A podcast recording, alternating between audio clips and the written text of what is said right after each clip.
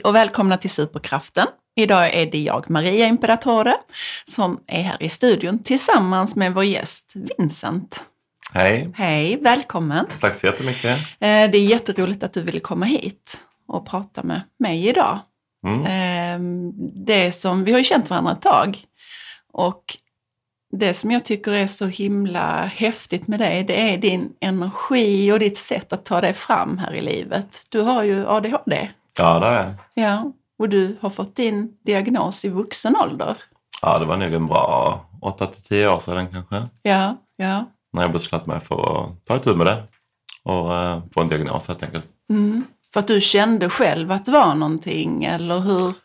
Jag var väl mer inne på att jag ville eh, ha lite hjälp med saker som jag kände att jag behövde under den tiden. Lite, lite stöttning och backning, men också ett diplom mest. Eh, På att jag, vad jag redan visste Ja. fanns. Mm. Så det var väl därför att jag skulle testa och se om det var någonting som, eh, ja, som kunde bli bättre. Liksom. Mm. Hur jag hanterade vissa situationer och gick till vidare med saker i livet. Ja, men för att då tänker jag lite, för att då har du ju, du fick diagnos i vuxen ålder och då har du ju en resa som du har gjort. Och var, hur började den? Men resa började väl ehm, när jag var 17, när jag beslöt mig för att åka utomlands Ja, och studera utomlands. Då var jag ju var ung och lite trött på Sverige ja, och ville bara ut. Och då ansökte vi, jag och min kompis, på att studera på universitetet utomlands. mm, Så det var väl en eh, ja, 17 till 20 år sedan mm, som jag började åka ut ur Sverige och fortsätta ja, leva livet. mm. Och det var det, eh, det var det jag ville göra. Ut och resa, öppna upp vyerna. ja. Ehm, ja. Men fram tills, alltså fram tills att du väl kom dit, hur såg din skolgång ut? Min skolgång var väldigt dålig i början när jag började på skolan. Jag förstod inte riktigt hur man, hur man pluggade och jag var väldigt, hade inga bra betyg överhuvudtaget. Men sen så hade vi en lärare som, eh, som drog mig åt sidan en dag. Elvis hette han tror jag.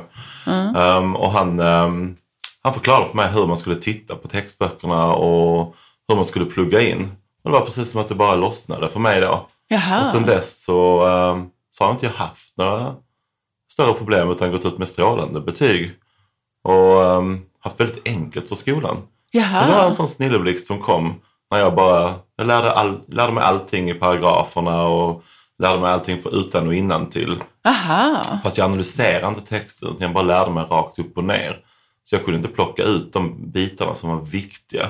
Så jag lärde mig så här flera kapitel ordagrant. Och så kom den här läraren och så förklarade han att du kanske inte behöver lära dig alla de här sidorna. Det är Nej. bara ta kontentan av det som är viktigt att lära dig. ja. Och då, eh, ja, då resten så bara så förstod jag hur man pluggade. Då, Så du, då fick du en upp en studieteknik där, Ja. genom honom? Ja, och att han Mm. faktiskt tog sig tiden och sätta sig ner och insåg att jag kanske behövde lite mera Ja, tid och hjälp. Och jag såg inte saker riktigt på samma sätt som, som de andra. Jag hade kanske hjälp hemifrån. Mm. ja. Men jag kunde inte riktigt, alltså jag fick ju hjälp men alla har en släng av lite ADHD och dyslexi i vår släkt. ja, ja.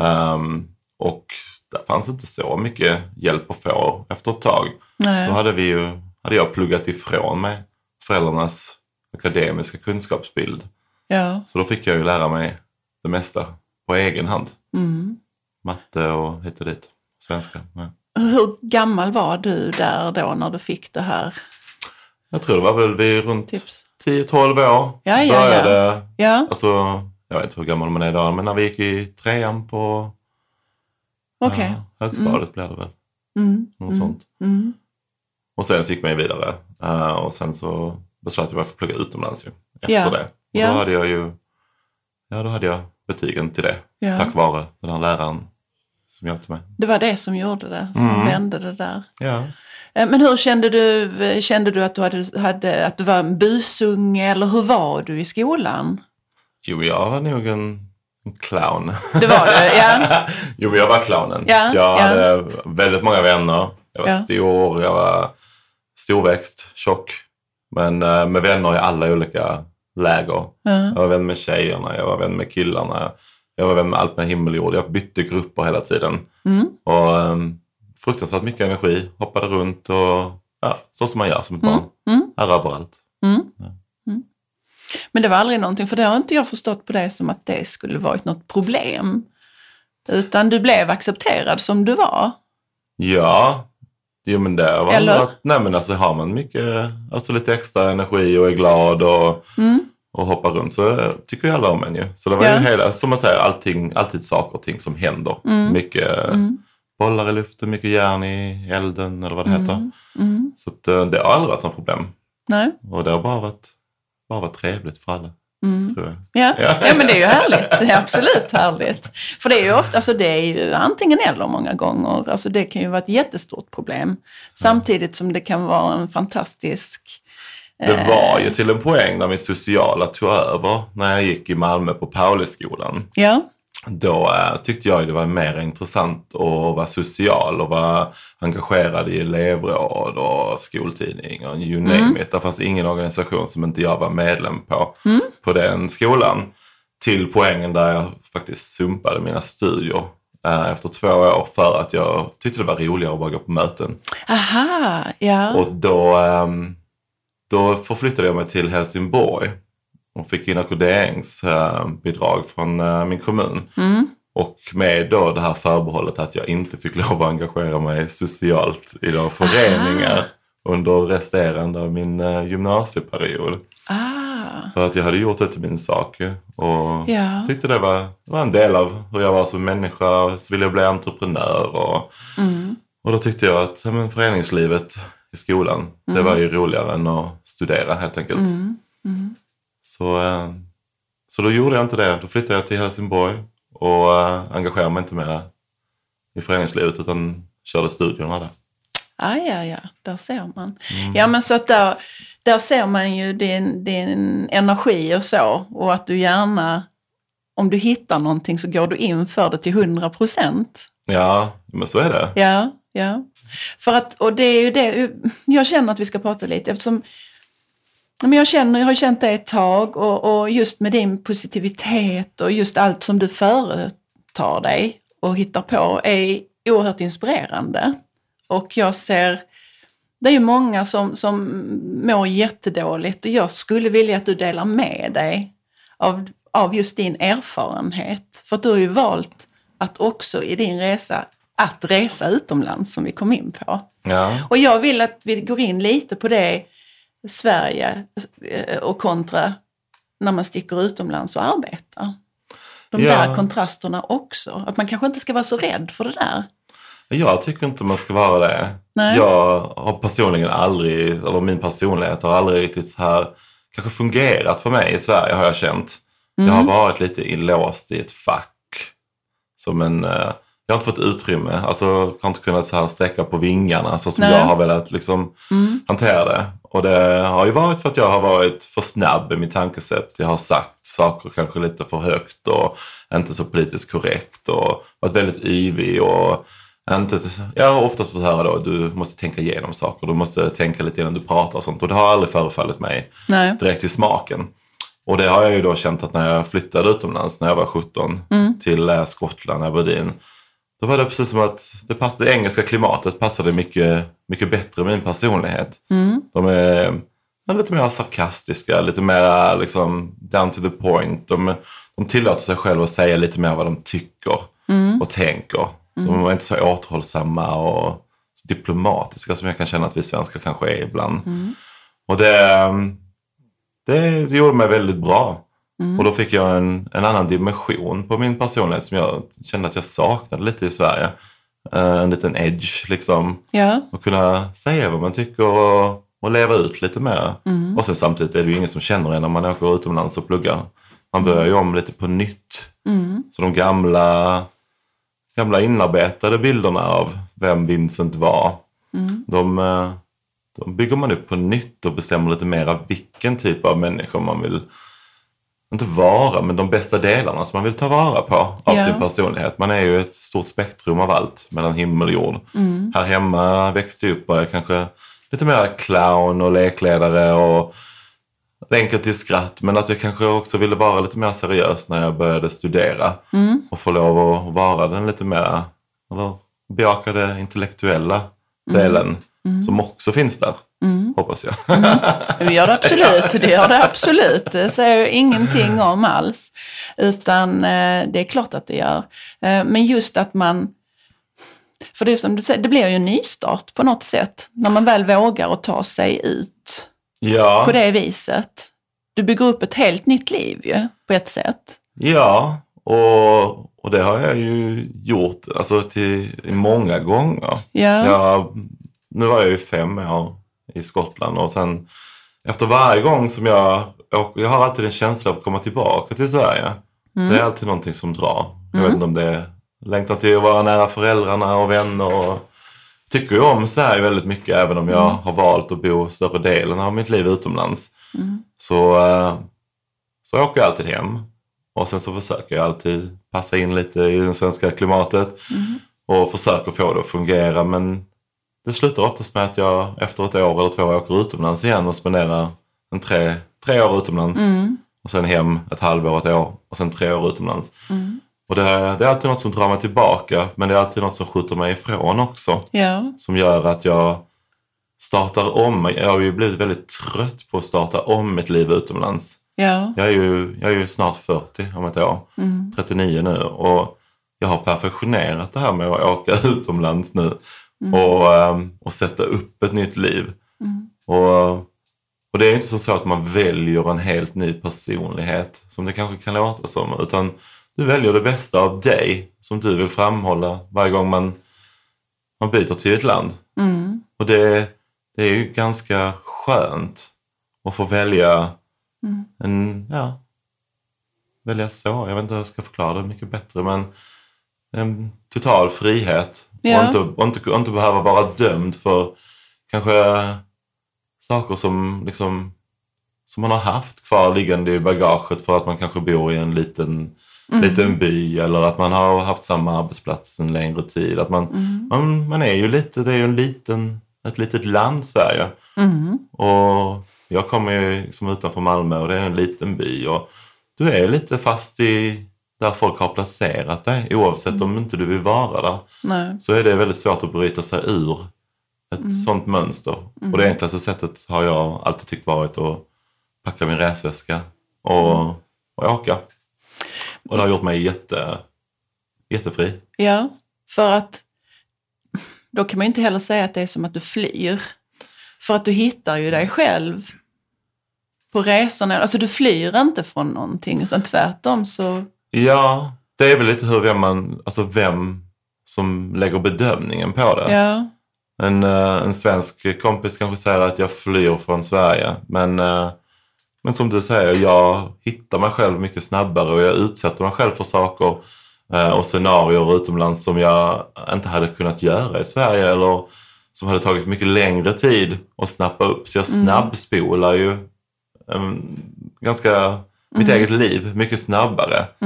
Eh, träffar mycket fler människor, går ut och, och möter mycket mycket fler människor och situationer. Och, och det, ja, hemma så blir det kanske inte riktigt så att det är, man översocial och har för mycket energi så är det kanske konstigt att, att göra någonting sju dagar i veckan. Det blir ju oftast inte att folk orkar göra det. Man gör kanske saker på helgen eller att man så här, men jag, jag vill göra saker varje dag. Hela veckan, hela månaden. Och det, det funkar kanske inte på vinterhalvåret i Sverige. nej. Då sitter man gärna hemma och kanske kollar på en film eller väntar till helgen ska komma eller så sparar man kanske liksom lite, lite ekonomi och lite pengar den helgen. Men jag vill, jag vill gärna göra saker hela, hela, hela tiden. Och det är, ju, det är ju en del av min ADHD. Det är, det är otrötta. Precis. Alltså hur, eh, hur känner du av din ADHD? Nu kommer vi in på att du vill göra saker hela tiden. Hur har det präglat det? Alltså, Den, eh, den avtar ju lite nu när jag blir, blir lite äldre ju. Det känner eh, du? Det känner jag. Och till det bättre. Att Ja. jag, jag, jag visste ju inte om den på samma sätt när jag var lite yngre. nej. Utan då var det ju den här rastlösheten som hela tiden måste göra saker, måste vara aktiverad. Och, ehm, och att då kanske jag, eller då gjorde jag saker bara för att hålla igång. För att om jag höll igång med någonting, ett projekt, så fick jag energi. så fort jag stannade upp kanske projektet så insåg jag kanske hur trött jag var eller eh, hur jag, alltså, ja, att jag var tvungen att tänka lite mer. Och, och jag mådde, jag tycker att jag mår som bäst när jag hela tiden har, har saker att göra. Skillnaden nu när jag är lite äldre det är väl att jag faktiskt tänker igenom om det är bra för mig att vara aktiv hela tiden. Om det är, om det är någonting som jag vill göra eller om jag bara lurar mig själv att jag ska vara aktiv. Det kan ju vara allting från att göra en galen mängd marmelader i köket till att gå ut och plocka 20 kilo ramslök eller komma hem med en halv skog och börja plantera om. Och, Alltså galna ADHD-projekt som är större och just när det händer så går det fort och det är yvigt och mycket händer. Och jag tycker det är jätteroligt. Men det är, nu tänker jag kanske lite igenom om det, för det är ju roligt att starta projekten. Det kan inte så kul att städa upp efter att ha dragit hem en halv skål i vardagsrummet. En sk- skog. Men eh, Nej. det, och nu, ja, det, det händer fortfarande. Eh, men att eh, jag tänker igenom det kanske lite. Och nu står jag ju i startgroparna och kanske ska resa utomlands igen Ja. har fått ett jobberbjudande till Mauritius och, och så. Men då måste jag ju tänka igenom om det, om jag nu om jag ska kalla det fly eller om jag ska hitta mig själv igen eller vad man kallar det. Och då är det ju en tankeverksamhet där. Jag tycker ju att det är väldigt roligt. Mm. Eh, men att jag måste tänka, tänka igenom lite så att jag gör valet baserat på vad jag vill göra. Och inte för att jag kanske är rastlös. Nej. Eller för att jag måste fylla ett tomrum eh, med saker som ska hända. Precis. Och, ja, jag har ju rest mycket och det är ju väldigt roligt och det är ju speciellt väldigt roligt för ens kompisar och nära och bekanta. Och hela tiden ha, ha mig, Vincent, som en människa som reser hela tiden. Men jag måste ju resa för att jag vill ut, inte för att det ska bli en rolig historia för andra och återberätta. Så, åh vad kul, nu är Vincent här och där. Fast, och då- Känner du att det har varit så? Ja, det har ju varit lite så när man inte har varit förankrad i Sverige. Mer än Ja. när man har landat eller kraschlandat eller kommit hem. Och då, då blir man ju för, för människor som jag känner, eller för mina föräldrar, så är jag ju Vincent som hela tiden är ute och reser och som har ett, har ett någorlunda aktivt, roligt liv som ser lite, lite delar av världen. Men eh, i sig själv, när jag är ute så är, är det ju ett liv utomlands lika mycket som ett liv hade varit hemma i Sverige. Du måste, måste ju fortfarande tvätta, du måste fortfarande diska, du måste fortfarande göra alla de här sakerna som jag kanske har haft lite mer problem med på grund av diagnosen. Men att det blir ju en vardag även utomlands. Ja. Och att, ehm, ja, att eh, ibland så har jag ju nog packat och, och rest. Inte för mig utan för att det är bara vad jag, vad jag ska göra. Det förväntas av dig. Det förväntas enkelt. lite. Och, och den här den här med att ta itu med liksom hur man hanterar sin egen ADHD när man blir lite äldre. Det involverar ju många olika saker. Tänka igenom lite mentalt arbete. Lite allt mellan himmel och jord. Man har ju många olika redskap. Och, ehm, och få ta att det kommer vid 40 års ålder och sätta sig ner och faktiskt ta itu lite med varför man har gjort saker. Och varför man bara har packat en resväska innan. Och varför man har gjort detta. Att nu känner jag väl att det är viktigare än någonsin att tänka igenom varför. Och jag använder lite av de här redskapen för att kolla om det är min ADHD som styr detta beslutet eller om det är... Alltså, ja. Du går in och gör en analys helt Gör enkelt. helt enkelt en analys istället för att bara köra på i 180 km i timmen. Hade du önskat att du hade kunnat ha den förmågan tidigare eller du känner ändå att ja, men det är okej? Nej, jag hade jättegärna personligen själv velat ha den insikten när jag Ja. var 20. Ja. Och jag, jag önskar det till andra som jag träffar nu som är i den åldern. Att det är, det är väldigt mycket som kan man få hjälp lite tidigare med, med liksom sin, sin beslutshanteringsprocess och lite av demoner, lite av liksom så här lite självhjälp, lite ADHD liksom analys så att man, man, man väljer lite, vissa saker väljer ju liksom, hur ska man förklara det? Vissa saker kan du aktivt välja själv, men vissa saker väljer ADHD lite åt dig. Mm. Hur tänker du då? Jag tänker väl lite att ehm, ja, den här rastlösheten som gärna kan komma, den, eh, den stillar man ju gärna. Men hade man haft liksom meditation eller yoga eller, eller rätt kost eller om man själv, alltså hade man liksom haft den, det i, i takt med när man eh, gör analyser hade man kanske hade kanske inte bara hoppat på ett flyg sex månader till Thailand och börjat arbeta i någon, någon fabrik eller upp till Norge och, och nappa ben på någon lax bara för att få ihop en reskassa. Det är jätteroligt men kanske hade jag, låt, jag hade kanske fått mera tid åt det intellektuella. Att jag inte hade varit så himla uppstressad och uppstirrad på, på hela tiden vara i rörelse och igång. Att jag kanske faktiskt hade kunnat läsa reseboken innan jag åkte. Klart det hade inte blivit min resa. Det hade ju kanske blivit alldeles för organiserat för mig och att jag kanske hade missat väldigt mycket av de här positiva erfarenheterna jag har. Med tanke på att jag, att jag bara, resten är bara flyttar på mig. Att jag bara åkte till Ryssland utan att kunna någonting, inte veta var jag skulle bo, ingenting. Du gjorde det alltså? Ja, jag tog en, en karta och så tog jag en, eh, vad heter den som man, man kastar en, en liten, Ja. en sån pil, pil som jag kastade på en karta och den landade i Är det Ryssland. så? Ja. Och så gick jag ner och så bokade jag en biljett till dagen efter. Så Du skojar. Alltså det är ju Ja. riktigt. Jag, jag, jag börjar förstå. Just att det kanske hade varit skönt att ha den här att kunna, eh, kunna reflektera lite innan. Ja, lära sig lite så, lite, kanske lite ryska innan man åker dit och kolla upp lite vilket område man kanske skulle bo i eller om man ens skulle haft någonstans att bo när man kom dit. Då hade man, eh, jag vet inte, det hade inte varit, det hade inte varit min resa, nu är den ju gjord liksom. Och den har ju varit helt underbar. Men eh, hade jag haft lite, lite andra redskap hade jag ju, vet ju inte jag var jag hade landat. Nej.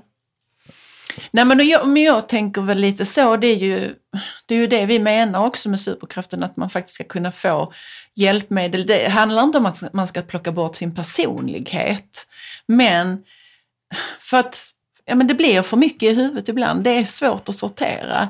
Och, och ehm, precis som du säger så kanske det hade varit det blir ju din resa men det hade kanske underlättat lite för dig Eh, om du just hade kunnat reflektera lite innan. Det hade ju kunnat bli en tokig resa i alla fall. Jag tror, jag tror det är kanske där du, du nämner det, att man kan ha en galen, utflippad, tokig resa Ja. med lite mer disciplin, Ja. lite mer ordning, kanske lite budgetanalys. Jag är superkass med, med budgetar och, och resebudget och, och allt det heter. Och det behöver man kanske inte vara, vara bäst på, men det hade kanske underlättat att ha haft en reseförsäkring Ja. när papporna har legat hemma och varit beställda. Det är bara det att de kanske glömde så fyllas i och betalas in för att för det var så mycket annat som kom emellan helt enkelt.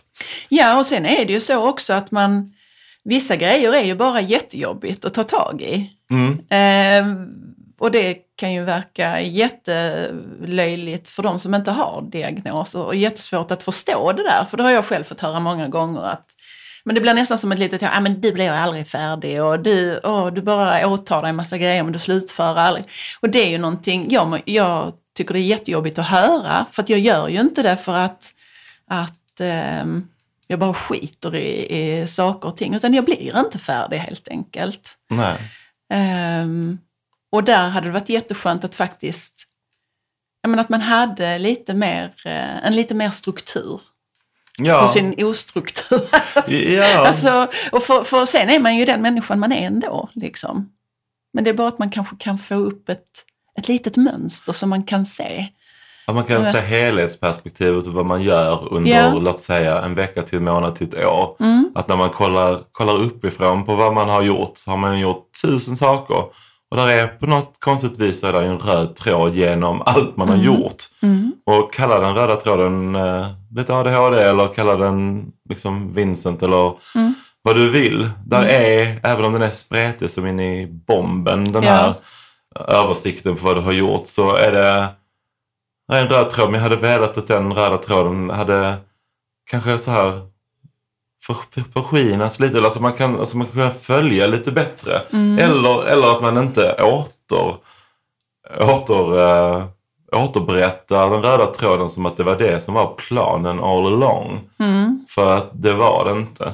För så Nej. funkar inte riktigt ADHD och, Nej. och jag som person. Jag kan mycket väl titta i efterhand och pussla ihop vad jag har gjort och se var jag är. Mm. Men jag hade aldrig en månad innan kunnat veta att det skulle vara slutresultatet.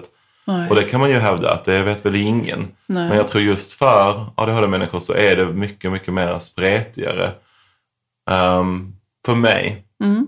Och ehm, ja, jag vet inte vad mer jag ska säga om det. Men ehm, det hade jag faktiskt velat ha lite mer hjälp med när jag var 22.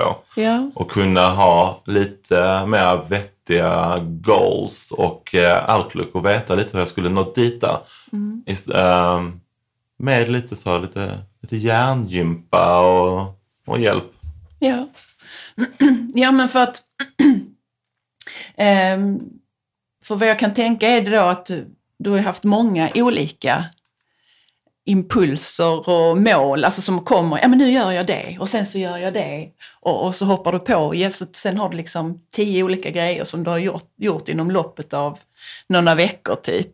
Ja. Ehm, och det är ju fantastiskt och det är det jag menar för att då kan man ju börja säga att ja, nej, men det är en svaghet att jag gör så här. Men om vi då plockar ut faktiskt styrkan i detta. Eh, Hänger du med mig nu? Det är klart jag gör. Ja. Eh, Och det tycker jag är jätteviktigt så att man kan lyfta det. Styrkan är ju att man är orädd eller att man eh, kallar det, jag kallar det orädd, vissa kallar det saknar spärr. det är Ja. lite hur man själv vill se det. Men Mm. ehm, gränslös, att man verkligen bara inte, jag ser inte problem med att segla runt jorden. Så Mm. jag hoppar på ett flygplan, tre flygplan genom Portugal till Azorerna och skulle utan att ha någon seglingsvana inte kunna någonting om, om segelbåtar så hoppade jag på en båt och skulle segla runt om Mm. eh, jorden på den. Och det, det kanske inte så många som hade gjort det, men jag tyckte det var jättekul. Så jag satt uppe och, och läste massa böcker hur man klarar sig undan hajar och hur man dricker så här regnvatten och ifall, ifall någonting händer. Och nu så slutade det ju då med att eh, vi seglade inte, båten gick sönder. Tack, tack gud lov. Ja. Men att de släppte av mig då på Azorerna. Och där fick jag, där fick jag vara, så mitt ute i Atlanten. Och då, eh, då letade jag ju upp ett, ett jobb där. Och det var lite så jag började min eh, kockkarriär, att jag hittade ett, ett jobb för 200 kronor per dag på, eh, på en liten yachtklubb nere i hamnen. Oj, ja. Och det, ja, det var jätteroligt och nu har jag utbildat mig till kock Ja. i den fasen. Mm. Men, eh, men bara, bara tänka att det var ingenting konstigt att hoppa på ett flyg och segla.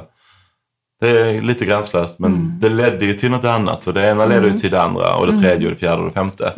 Och det har jag ju sett att mitt liv har varit väldigt mycket så. Hoppa på någonting på grund av ADHD och en del av min, att det har blivit min personlighet. Hoppa på någonting och rätt som det så vet jag inte var jag är Nej. senare. Och det är ju kul. Absolut, absolut.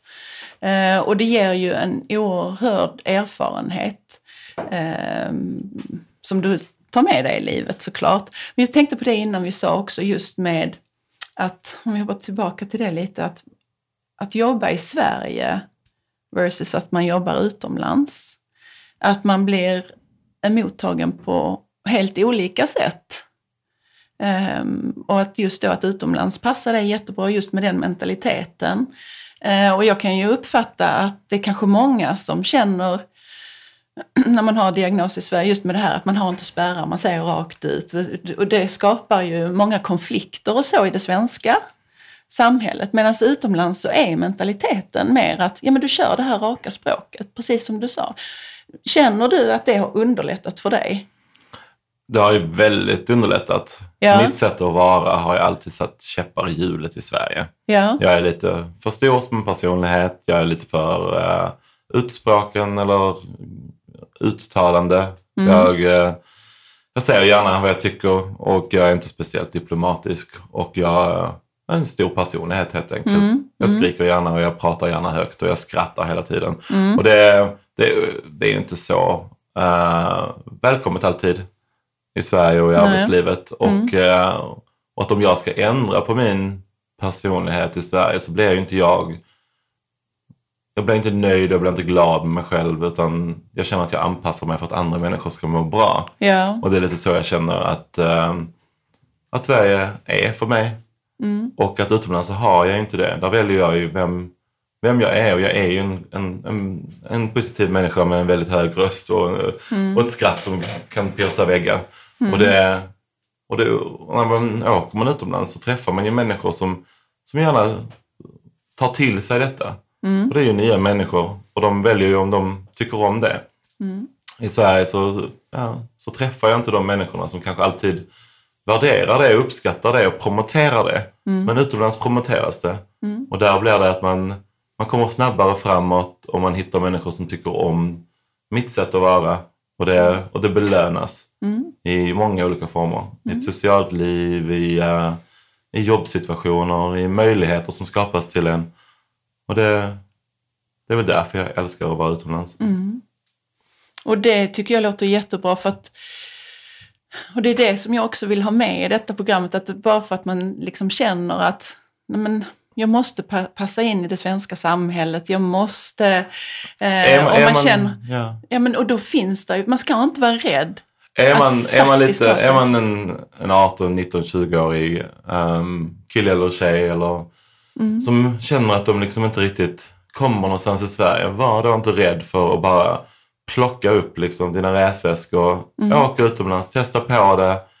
Ehm, och det kan vara det bästa du någonsin har gjort. Mm. Det kan bli så himla bra. För att de problemen som du har kanske här hemma när du känner dig lite låst, Mm. de bara försvinner på en dag när du landar. Det är dina egna... Vissa saker är ju liksom mentala Mm. med ADHD. Men vissa saker är också bara för att du kanske bor i en liten håla i Ja. Sverige. Mm. Och då är det inte mycket du kan göra för att förbättra din situation mer än att flytta. Mm. Det handlar inte om att skapa det bästa av möjligheten. Det handlar också om att flytta till ett ställe där man kan skapa det bästa av möjligheten. Du kan kanske inte ändra dina grannar och, och din klass, eller, men när, när du har möjligheten att resa så kan du i alla fall testa på och se hur, hur andra kulturer, hur andra människor eh, responderar till den personen som du är. Och det enklaste att göra det, det är bara att, att åka utanför gränserna och testa. Mm, det är häftigt, måste jag säga. Ja. Tänk som styrka, det, för det här är ju en styrka, att bara kunna slänga sig iväg och göra detta. Ja. Jag tror det är många som hör detta som blir väldigt avundsjuka och där är ju ADHD fantastiskt när man kan utnyttja det på det viset. Ja. Eller hur? För att det har ju blivit en styrka hos dig, även om du önskar att det kanske skulle vara lite mer strukturerat. Men ja, jag tycker det här är helt fantastiskt. Ja. Och resa är det absolut roligaste man kan göra. Ja. Och, ja, ja, jag vill bara resa hela tiden.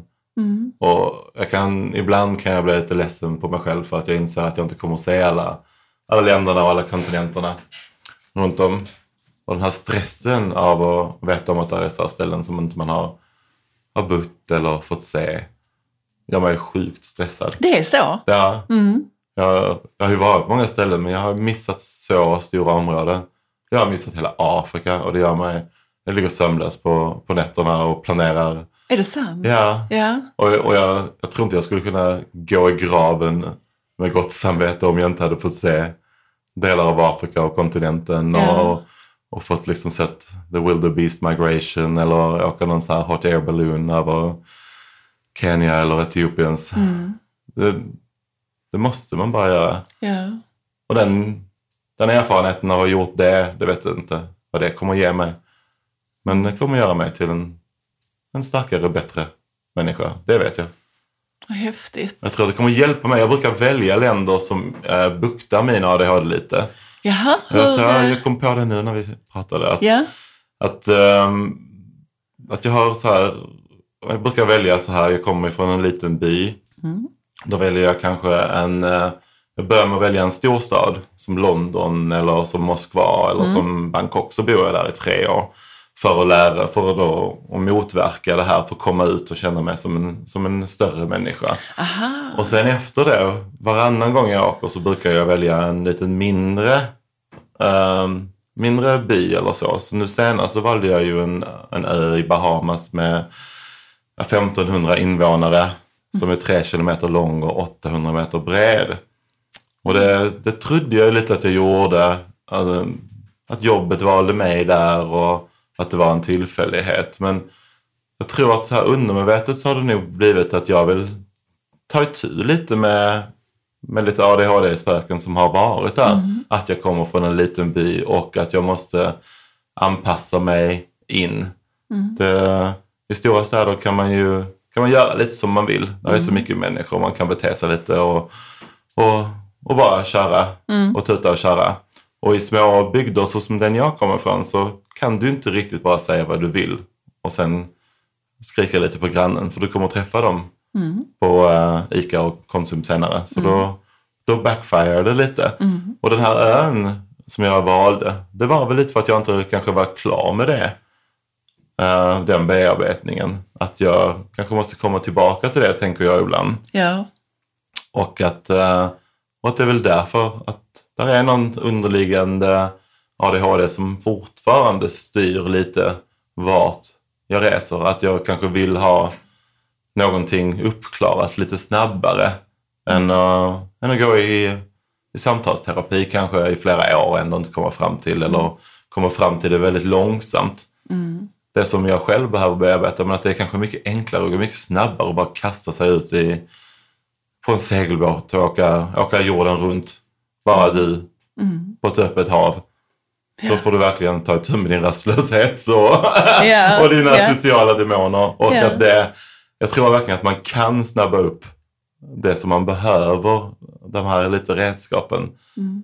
Det är lite så jag använder mitt resande till också. Mm. Att det, det är därför jag är så stor förespråkare för det. Mm. Att det Ja, men du har ju verkligen hittat din grej i detta och det som driver dig framåt.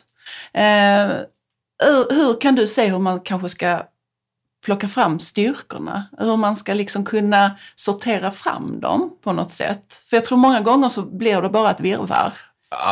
Ja, vad jag, personligen så har jag ju, um, min ADHD gestaltar sig att jag är fruktansvärt dålig på att städa. Mm. Jag är oorganiserad med papper. Jag kan vara lite impulsiv och, ehm, och vill hela tiden ha roliga saker att göra som stimulerar hjärnan. Mm. Och, ehm, och är man inte bra på att städa så behöver man inte lära sig att städa. Det går också jättebra att, eh, att anställa en städare. Att man hellre lägger sin krutkraft, sin energi på att jobba ett extra skift. Och så bara tar du de här pengarna och så bara betalar du för någon annan som hjälper dig. Och det, det var väldigt opopulärt för tio år sedan eh, att göra det i Sverige och nu kommer de här servicerna mer och mer. Och då bodde jag utomlands och utomlands är det inga konstigheter att ha någon som hjälper en. I Sverige har det alltid varit lite konstigt. Men att man, man satsar på att ta hjälp med de sakerna som inte man känner att man kanske har så stor vinning över att lära sig att göra. Städa kommer alltid finnas där och disk kommer alltid finnas där. Ehm, känner du att du, du försöker hitta en... Känner du att du har det stökigt hemma och att du tycker att det är normalt och, och det är helt okej. Mitt Jag har också ett stökigt liv. Men när, när man vill ha det rent, så som när, när man har fått hjälp av kanske någon som har hjälpt en städa, när man känner att man, man blir glad av det och så blir man ganska besviken när man själv har bara låtit disken gå i tre, fyra dagar. Och så till slut så säger man kanske, det är okej, jag får bara leva så här. Det behöver inte vara så. Nej. Bara ändra det, se din styrka. Är styrkan att du älskar att arbeta, att du, att du kan vara uppe liksom lite fler timmar, att du vill Liksom, lägg då den energin som du har fått, din superkraft, att du är lite så här rastlös. Lägg då den på att göra ett extra jobb så att du får in de här 500 kronorna extra. Eh, och har du många olika intressen, så här, jag har datorer, jag har lagat mat och jag kan eh, tusen olika intressen. Då kan jag välja och kanske hjälpa någon och laga deras dator så får de ta och, och städa hos mig. Att jag byter tjänster mer än... För att jag kan ju väldigt mycket och det kan ju de flesta som har den här superkraften. Man, man snör sig in på, på någonting och så lär man sig det superfort, jätte, jättesnabbt. Och sen så blir man väldigt bra på det fram till det kommer ett nytt intresseområde. Men att man kanske ska ta och byta av de här tjänsterna på allt det här som man har lärt sig superbra. Om man nu har gått vidare så kan man alltid komma tillbaka till det och byta med någon. Det är alltid enklare att, att städa hos någon annan. Eller att ta och fixa någon annans bokföring eller papper. Mm. Men personligen så har man kanske lite, lite, behöver lite hjälp. Mm. Och ehm, det är skönt att kunna byta. Jag byter ganska ofta med mina, mina kompisar som också har ADHD. Ja, Och vi, eh, ja, nu, har, nu har vi kommit till den åldern när vi, när vi förstår vad våra styrkor är. Mm. Och att vi byter gärna lite. Så att, eh, men det är jättehäftigt och det här måste ju också vara någonting eh, vad du har lärt dig när du har kommit utomlands. För det här är ju väldigt osvenskt. Ja, Jag tycker det är jättehäftigt att faktiskt gå och göra, och det här kan ju låta lite banalt för vissa, men det är ju fantastiskt att faktiskt kunna gå in och göra så med sina vänner. Ja, Och då slipper man lägga energi på det som man själv, och som tar så mycket kraft av en, ja. på det negativa. För att, eh, ja, istället för att man ska gå runt varje dag och bara vara lite så här lite halvbesviken på alla Mm. att göra-listor som inte man som inte man pluggar sig igenom Mm. och sen så bara blir det så här ett moln över huvudet. Då, Mm. ja, bara hjälps åt och, och ta och, och inse vad du är bra på. Och sen Ja. så tar du bara och ja, outsourcar det andra eller får hjälp av dina vänner. Mm. Då blir man mycket gladare. Ja, det är jätte... Ja, du har faktiskt kommit med jättemånga bra tips här idag. och jag tänkte lite så, för nu är det snart dags att avsluta. Ja. Vi har suttit här och pratat rätt länge nu, Vincent. Jaha, Det okej. gick fort. Ja, det gjorde det. Det gjorde det. det gör ju det när man har roligt. Ja. Men jag skulle då innan vi avslutar vilja fråga ehm, hur det ser ut efter du gjorde din utredning och att du fick fram din diagnos. På vilket sätt har livet förändrats för dig? Jag skulle vilja påstå att det inte har förändrats så himla mycket. Nej? Eh, Jag, eh, jag visste om att jag hade, en- hade en diagnos innan jag gick dit. Jag Mm. ville bara ha det på papper. Ehm, och det fick jag.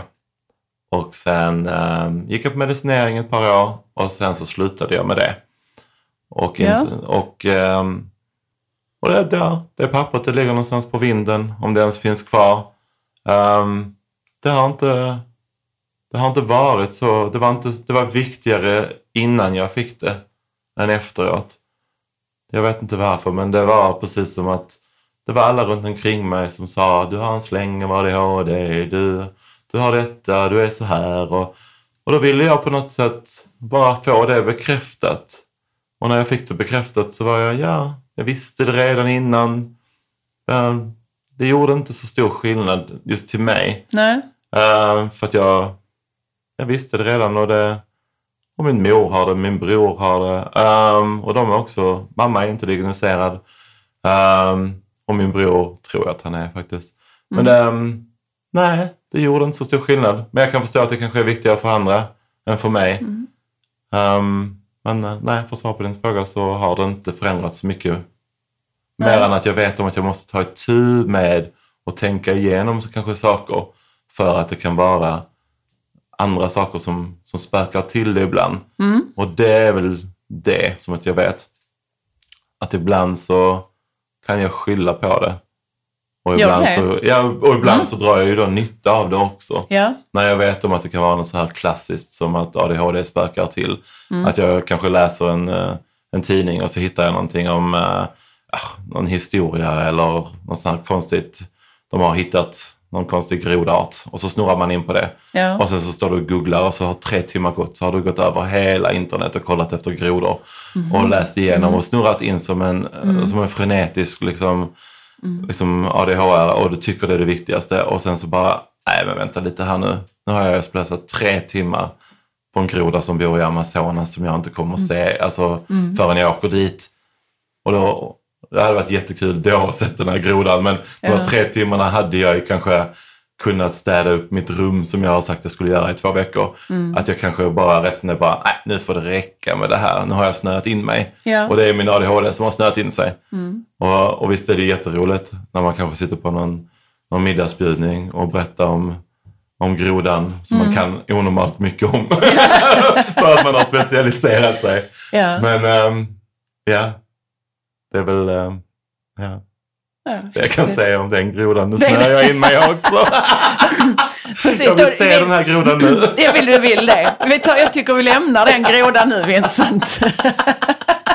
och så går vi vidare. Och vi tackar så jättemycket, eller jag tackar så jättemycket att du har varit med oss här idag. Tack själv. Det har varit jätteintressant Det och äntligen att få din energi och, och eh, grymma tips. Tack så jättemycket. Tack så jättemycket. Jag hoppas du kommer tillbaka. Ja, jag också. Ja, Ja. vad Tack.